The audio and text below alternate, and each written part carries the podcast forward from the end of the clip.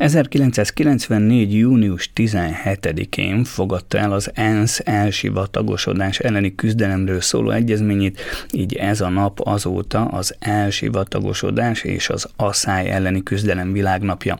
A világnap célja, hogy felhívja a figyelmet a többi között a talaj minőségének védelmére, az elsivatagosodás és a migráció közötti kapcsolatra, a termőföldek kimerülésére, a szűkülő élelmiszerforrásokra.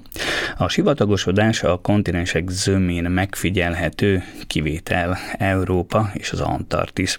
A folyamat részben összefügg a globális klímaváltozással, de sok helyen a társadalmi hatások erősítik fel igazán.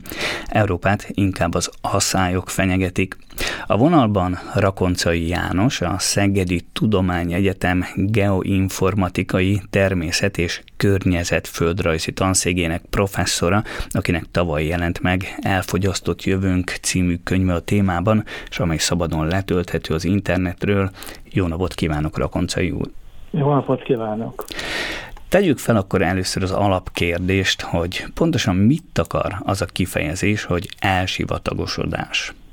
Ha nyelvtanilag nézzük, a sivatagosodásnak a folyamatát, tehát az elsivatagosodás, a sivataggá válásnak a folyamatát írja le, vagy próbálja érzékeltetni, és akkor itt oda kell tovább lépni, és akkor mi a sivatag? Itt eh, már egy kicsit bajba vagyunk, tehát ha megnézzük a nemzetközi irodalmat, akkor van, ahol csak körbeírják, hogy olyan nagy kiterjedésű terület, ahol kevés a csapadék, és az élővilág számára alig elérhető, de néhány helyen azért megjelenik mennyiségi határ, általában azt mondják, hogy azok a területek sivatagok, ahol a sok évi átlag csapadék 200-250 mm alatt van, és a vízháztartás veszteséges. De ez nem jelenti föltétlenül ez a határ, hogy valami sivatag, mert például a hideg területek, sarkvidéki területek, Grönland jóval kevesebb csapadék esetén is föl tud halmozódni területen jégformájában a csapadék, tehát nagyon fontos a párolgás. És amit a bevezetőben ön említett, hogy nagyon fontos a klimatikus okok mellett a, sok területen a társadalmi hatás, erre Afrikából a Szahara peremét lehetne mondani, ahol a népesség növekedés kapcsán a legeltetéssel olyan gyér növényzetű területeket legeltettek ki, hogy ott mérhető volt a sivatagnak az előretörése. És mit akar pontosan az asszály, vagyis hogy van-e különbség az asszály és a szárazodás között? Igen. Az asszály az egy rövidebb távú időszakra vonatkozik, a szárazodás az pedig egy folyamat. Az asszály jellemzően olyan vízhiány, amit a növényzet szempontjából nézzük, hogy a növényzet fejlődéséhez van-e elegendő nedvesség. Tehát ez a, az asszályfogalom az nincs feltétlenül kapcsolatban a klímaváltozással, még a szárazodás egy olyan hosszabb folyamat, ahol egy adott területen az átlag csapadék csökken, de még lényegesen több, mint az előbb említett sivatagosodás kapcsán beszéltünk róla. Magyarországon többször beszélnek mondjuk Dunatisza köze elsivatagosodásáról, tehát látszik, hogy rosszul használják a fogalmat, hisz itt hivatalos mérőállomáson egy évben sem fordult még elő olyan kevés csapadék. Értem. És ami fontos, hogy asszály olyan évben is kialakulhat, amikor egyébként a révi csapadék átlag megvan, csak a, a növényzet számára kritikus időszakban jóval kevesebb volt a csapadék, tehát nem tudott úgy fejlődni. Igen, az imént már mondott egy számot, ugye, hogy a sivatagok esetében 200 mm az a csapadék, ahonnan lehet számolni azt, hogy itt most már sivatagról beszélünk, de úgy tájainkon nagyjából mennyi csapadék esik, csak hogy úgy be tudjuk lőni, hogy milyen távol vagyunk egy, egy hát, ilyen számtól. Én azt tudom, a Kárpát-medencének a központi részein ilyen 5-600 mm, a hegyvidéki területeken néhány száz milliméterrel több, és adott, sok függ ez, hogy milyen irányba esik mondjuk egy hegyoldal, amelyik megfigyelhető, hogy emelkedik föl a légmozgás, ott kicsit több, tehát egy szlovákiai hegyvidéki területeken ott ezer méter fölötti csapadék, de például Magyarországon a Kékes tetőn is 2010-ben 1500 mm-t mértek, de mondom, ez a 5-6-800 mm ez a jellemzőbb inkább itt a Kárpát-medencében. A globális klímaváltozás már jó ideje ugye része a mindennapi közbeszédnek, mondhatjuk azt, hogy évtizedek óta, de hatása kézzelfoghatóan érezhető a térségünkben? Hát én azt gondolom, igen, csak össze kell fogni, vagy össze kell gyűjteni ezeket a bizonyítékokat, amelyek ehhez hitelesek. Tehát nem elég az, hogy én erre emlékszem, arra emlékszem. Én a saját példámat hagy mondjam el. Én jó húsz évvel ezelőtt szembesültem avval, hogy egy olyan terület, ahol fiatal koromban kutattam, és ott vaxikes táj volt, visszamentem egyetemi hallgatókkal oda, és akkor nem ismertem rá a tájra. Egy sztyeppe volt azon a részen, és hogyha ezt nem én ismertem volna korábban, el nem hiszem, hogy ennyit tud változni a táj. És ez indította el gyakorlatilag, hogy én elkezdtem klímaváltozással foglalkozni, és nagyon érdekes és szerencsés helyzetben voltam, hogy annak idején fiatal kutatóként biológusokkal összefogva épp egy természetvédelmi terület nyilvánításához gyűjtöttünk adatokat, kijelöltünk parcellákat, ahol ők megnézték a vegetáció összetételét, én a talajt megnéztem, és gyakorlatilag lehet bizonyítani, tehát ugyanarról a területről ezek kis körbe kerített parcellák voltak, hogy hogy változott a vegetáció, lehet bizonyítani, hogy változott a talaj, és akkor el kellett azon gondolkodni, hogy hogy akkor hogy zajlott itt a folyamat. Hogy ne csak a saját dolgaimról beszéljek, tehát az erdészek például látják az erdőterületeknek a lassú vándorlását, ami korábban is volt a, a régebbi klímaváltozások során. Most a melegedő hőmérséklet hatására például bükkösök vonulnak magasabbra de a klímakutatók például a városi hőszigeteknek a növekedését, ezt tapasztaljuk nagyvárosi emberek, hogy, hogy egyre-egyre melegebb van. De a agrárszakemberek, az előbb említett erdészek új kártevők megjelenését jelzik, és volt nemrég, hát néhány éve egy konferencia, ahol egy orvos előadó mondta, hogy nagyon sajnálja, hogy itt a klímaváltozással kapcsolatos kutatók között egyedül van orvos, mert az egészségügyet is komolyan érinti a klímaváltozás, jönnek az új olyan kártevők, olyan kórokozók, amit emlegetnek például olyan szúnyogok, amelyek már maláriát is képesek terjeszteni, és több minden. Tehát erre gyakorlatilag minden szakterületnek lenne legalább fél órás előadása, ami bebizonyítaná, hogy bizony az ő területét érinti a klímaváltozás. És hol a Föld mely részein érezhető a leginkább a klímaváltozás? Hát, hogyha megnézzük, hogy a klímaváltozásnak két jó, leginkább megfogható mutatóját tudjuk figyelembe venni, az egyik a hőmérsékletváltozás, a másik a csapadékváltozás. Az első az elég egyértelmű, a Föld gyakorlatilag egészében megfigyelhető a, a globális hőmérsékletnek az emelkedése. Ami az érdekes, hogyha nézzük a különböző földrajzi zónákat, akkor a sarkvidékek felé haladva figyelhető meg a nagyobb hőmérséklet növekedés, és ennek is megvannak a következménye, tehát szemmel látható következményei. Tehát amit szerintem majdnem mindenki hallott már, a sarkvidéki jégtakarónak a, az olvadása. Itt épületkárok például, én emlékszem 2000-ben voltam egy globális problémákkal lévő konferencián, ott például Alaszkából, Kanadából, Oroszország északi területeire mutattak komoly épületkárokat, mert az állandóan fagyott területeken komolyabb alakozás nélkül következett ez be. A jeges területek kapcsán a gletszereknek a, a visszahúzódása szintén nagyon jól megfigyelhető. És hogyha megnézzük a másfajta következményeket és a visszacsatolásokat, hogy miért emelkedik jobban a Föld, meg a hőmérséklet, a jégtakaró a fény visszaverése sokkal nagyobb, mint a vízé, és ezt tapasztaljuk. Vannak a következmények kapcsán olyanok, amelyeket mi Közép-Európából kicsit úgy gondoljuk, hogy túl hangsúlyoznak. Én most is azt gondolom, például a tengerszint változás, ami jól érzékelhető, ez ugye a szárazföldekről leolvadt jég okozza, a tengeri jégelolvadása nem, mert ott, amikor jég úszó légtábla formájában van, az nem emeli a világtengert, hogyha elolvad, de a világtenger szint változása az száz év alatt 30-40 cm, már megfigyelhető ebben egy gyorsuló tendencia. Sokszor látni olyan képeket, hogy ezt a szigetet a, már elmossa emelkedő tenger, nem, ott más eróziós folyamatok is vannak, de azért ez jó néhány a nagyon alacsony tengerszintű térségben ez komoly problémát okoz. Csapadék esetében ott vannak nyertesek meg vesztesek, erről nem mennék bele részletesebben, ezt térképeken lehetne szemléltetni.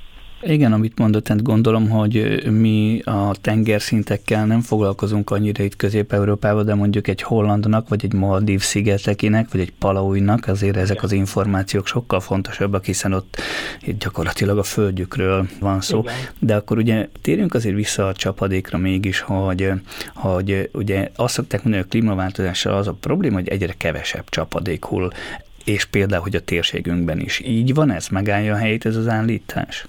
Hát amire az előbb utaltam, a világszinten nézzük, vannak olyan térségek, ahol vannak nyertesek és vesztesek. Most, ha a mi térségünket nézzük, ez sokkal bonyolultabb. Nagyon érdekes, amikor elkezdtem foglalkozni a klímaváltozással, akkor pont egy olyan időszak volt, hogy egyértelmű volt, hogy csökken a, a csapadék, tehát a trendet nézzük. Így egy picit az utóbbi húsz évnek a változását megnézzük, és egy picit a dolgok mögé nézzünk, azért ennél sokkal bonyolultabb. Már akkor is, a, mondom 20 évvel ezelőtt a, a kezdődő globális klímamodellek azt mutatták a térségünkben, hogy nem lehet tudni, hogy itt emelkedni fog hosszú távon, vagy csökkenni a csapadék, attól függ, hogy melyik modellt nézték. Ha megnézzük, 120 évre vannak részletes területi adataink itt Magyarországon, és ha 120 éves trendet nézzük, akkor csökken a csapadék. Ha 70 éves trendet nézzünk, akkor nagyjából stagnál, és az utolsó 50 évet, akkor inkább emelkedik. Tehát ez egy ország, de a területen belül nézzük, akkor is vannak változások. Például a nyugati ország részek, ahol magasabb eleve a csapadék a keletihez képest, ott inkább csökkenő, a keleti részeken meg növekvő csapadék van. A, egy biztos, hogy szélsőségesebb lett a csapadékeloszlás, és ezért van az, hogy van olyan érzésünk, hogy kevesebb a csapadék, hiszen a szélsőségesebb csapadékelosztás miatt a hasznosulás az sokkal rosszabb, mert ha sok van, akkor védekezünk, tehát elvezetjük a vizet a területeinkről, amikor meg kevés van, akkor hiányzik ez, nincs honnan pótolni. Ön az egyik tanulmányában, és ha most nem tévedek, akkor ez pontosan az imént említett elfogyasztott jövőnkben, ugye arra hívta fel a figyelmet, hogy nem is a csapadék mennyiség a fontos a szárazság szempontjából, hanem a talajvízkészlet. Igen. Tehát sok tanulmányban, ezt már szaktanulmányban is publikáltuk, ebben a kötetben nyilván összegző része van. Miért mondom én ezt, hogy a talajvíz a legfontosabb? Azért, mert sokkal jobban mutatja a tendenciákat, mint a csapadék.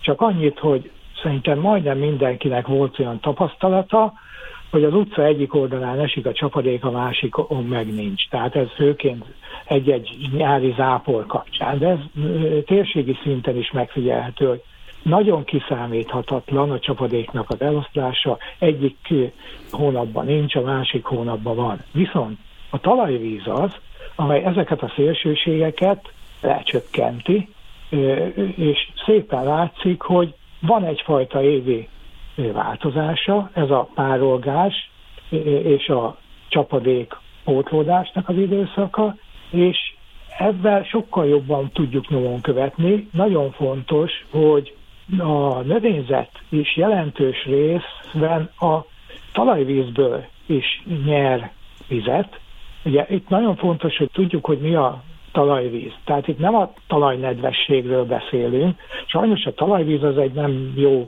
nem szerencsés fogalom. Egyébként a nemzetközi szakirodalomban groundwaterként említik, magyarra talajvízként fordítják, de a groundwater az gyakorlatilag a felszín alatti vizeket jelenti. Én azt gondolom, nagyon fontos, hogy megkülönböztessük a, a mi szóhasználatunkkal a talajvizet, ami a, a legközelebbi olyan vízkészlet, ami gyakorlatilag kitermelhető, és a növény számára is elérhető. És ezek a változások, én azt gondolom, nagyon jól mutatják a klimatikus hatásokat. Tehát a talajvíz tendenciájában mutatja a változásokat. Egyébként hogy állunk a talajvízkészlet szempontjából? Tud valamit tenni az ember azért, hogy, hogy ezek a talajvizek ezek ne apadjanak el?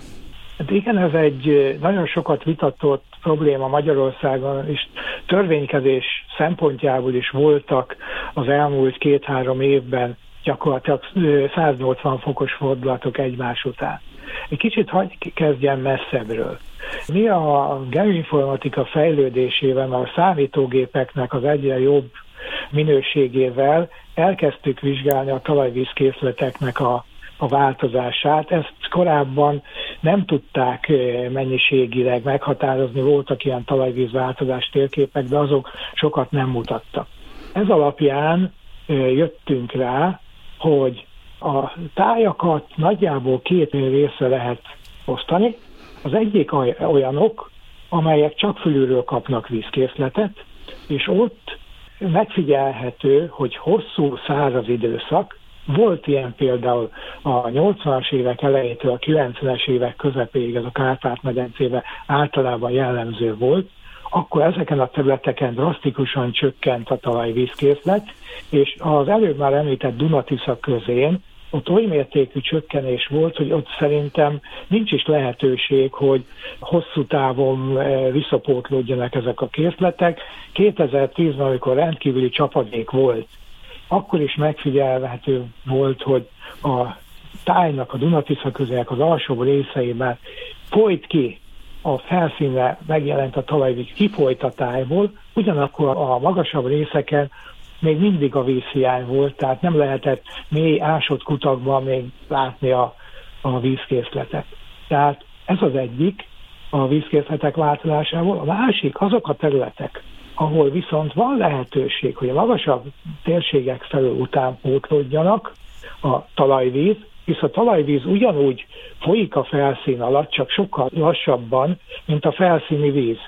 És ezt lehetett megfigyelni, hogy ezeken a területeken, ha van időnként sok csapadék, akkor van lehetőség az utánpótlódásra, tehát a vízkészletek szempontjából mi nagyságrendeket is megmondtunk, tehát itt nem az emberi tevékenység határozza meg talajvízkészletek változását alapvetően, jó, lokálisan egy-egy területen, ahol nagyon sokat szivattyúznak, ott előfordulhat, hanem döntően a klimatikus háttér. És elkülönítettünk klímaérzékeny és eh, kevésbé klímaérzékeny területeket is.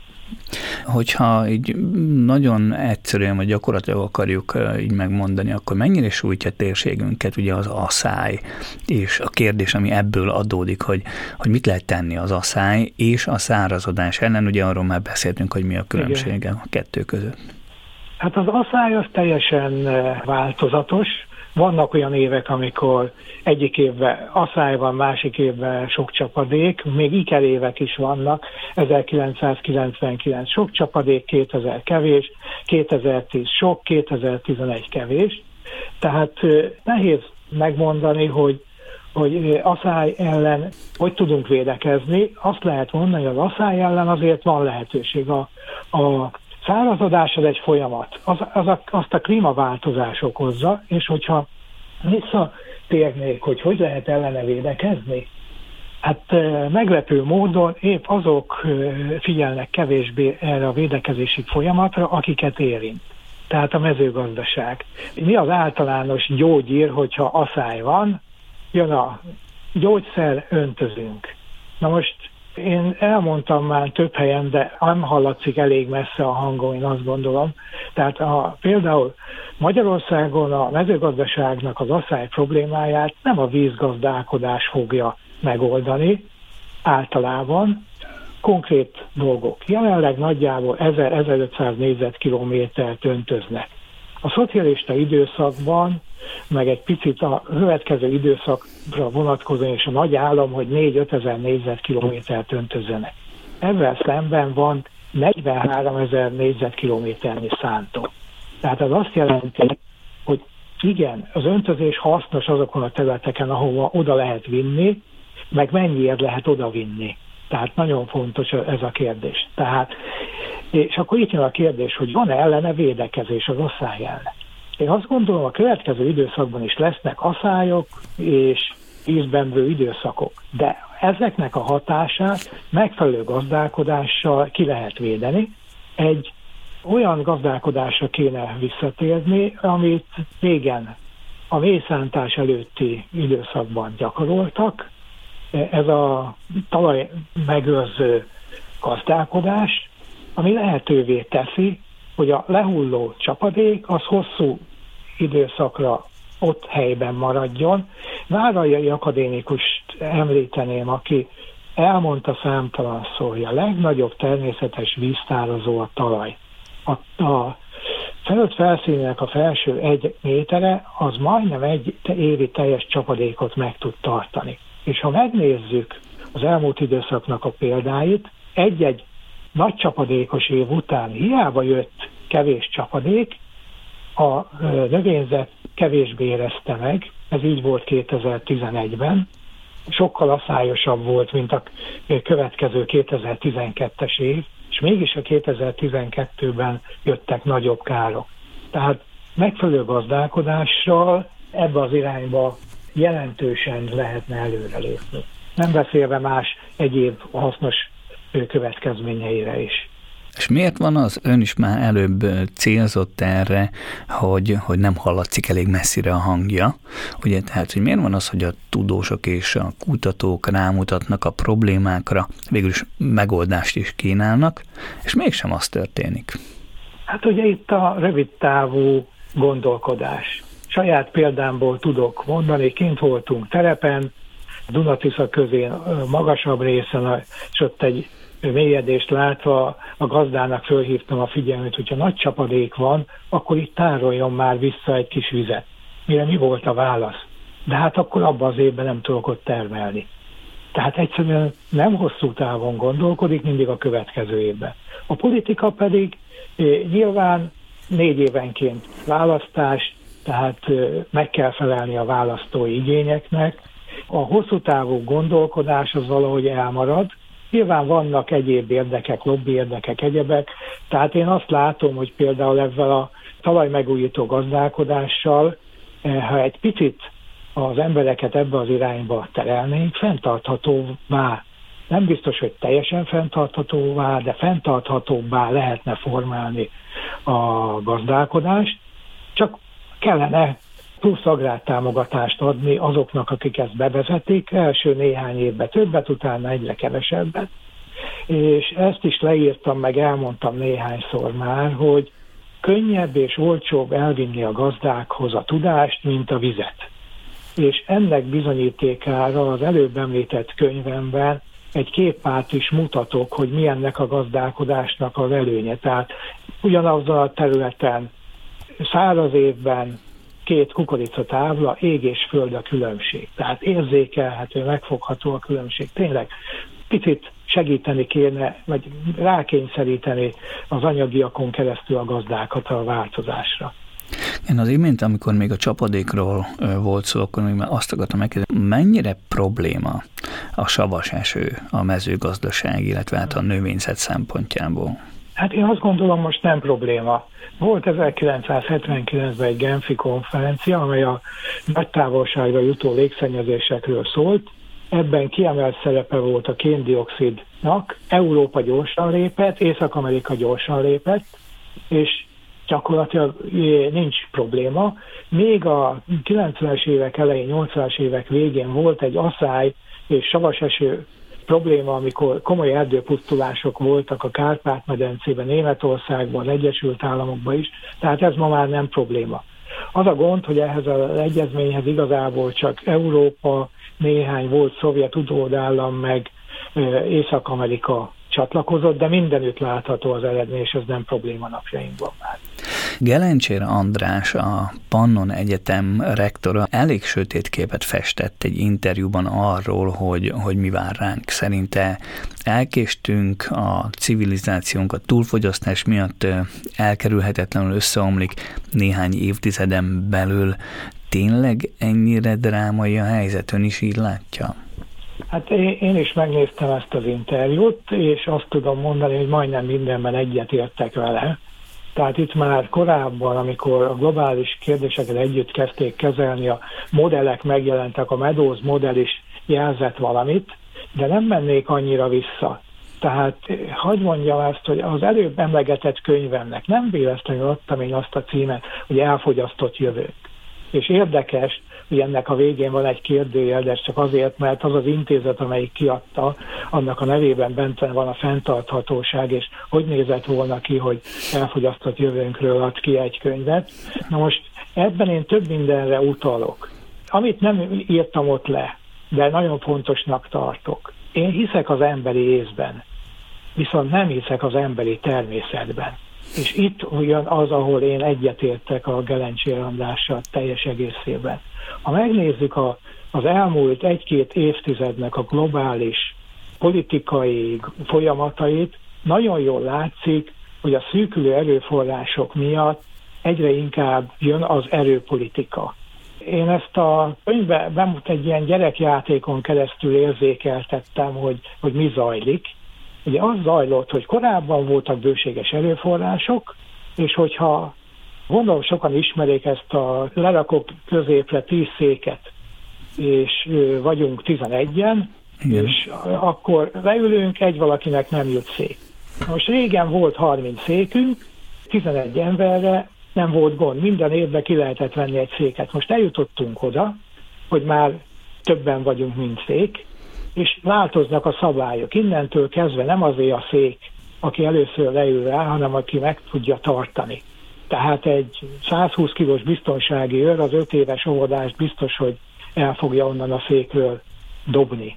Ez látható a világpolitikában. És még egy nagyon szomorú dolog, hogy előbb a környezetvédelmi egyezményeknél láttam azt, hogy akinek nem érdeke, az kilép belőle, lásd Kanada, amelyik a olajhomok kitermelés miatt kilépett a kiotói jegyzőkönyvből, és mit látunk most? Itt van a szomszédunkban a háború, ahol szintén volt egy egyezmény, amit úgy vettek figyelmen kívül, mint Kanada az előbbi egyezményt. Én azt gondolom, hogy Oroszország nem támadta volna meg Ukrajnát, ha még ott vannak azok az atomrakéták, amiket biztosítékokat kapott arra, hogy nem lesznek biztonsági problémái.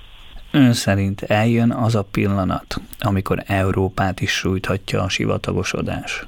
Hát jövőben nem látok, én azt gondolom rövid távon nem. Tehát az emberiség mostani szintjén ez, ez nem hiszem, de nehéz azt mondani, hogy nem. Ugye itt a Szaharának a példája.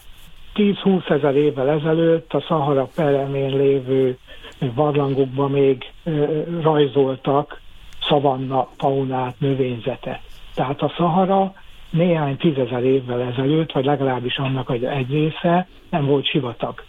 És a földünkön nem lehet pontosan jelezni ezeket a változásokat, de az biztos, hogy a sivatagosodási probléma az a mediterrán térségbe jelent meg, és ehhez kapcsolódtak a magyar kutatók is már jó 20-30 évvel ezelőtt. Tehát amikor jött ez a nemzetközi egyezmény. Tehát azt a térséget érinte leginkább, de ott televe a csapadéknak olyan az eloszlása, hogy hosszú időszakon nincs a nyári időszakban, csak az ősszel vannak csapadékok. És látjuk, hogy itt van a probléma, tehát most a Pó Alföld, ami leginkább érintett, a, amiről hírek vannak. Vendégünk volt Rakoncai János, a Szegedi Tudományegyetem geoinformatikai, természet és környezetföldrajzi tanszékének professzora, akivel a klímaváltozásról, az asszályról és az elsivatagosodásról beszélgettünk. Professzor úr, nagyon szépen köszönöm, hogy velünk volt. Nagyon szívesen. Viszontlátásra, viszontlátásra. viszontlátásra.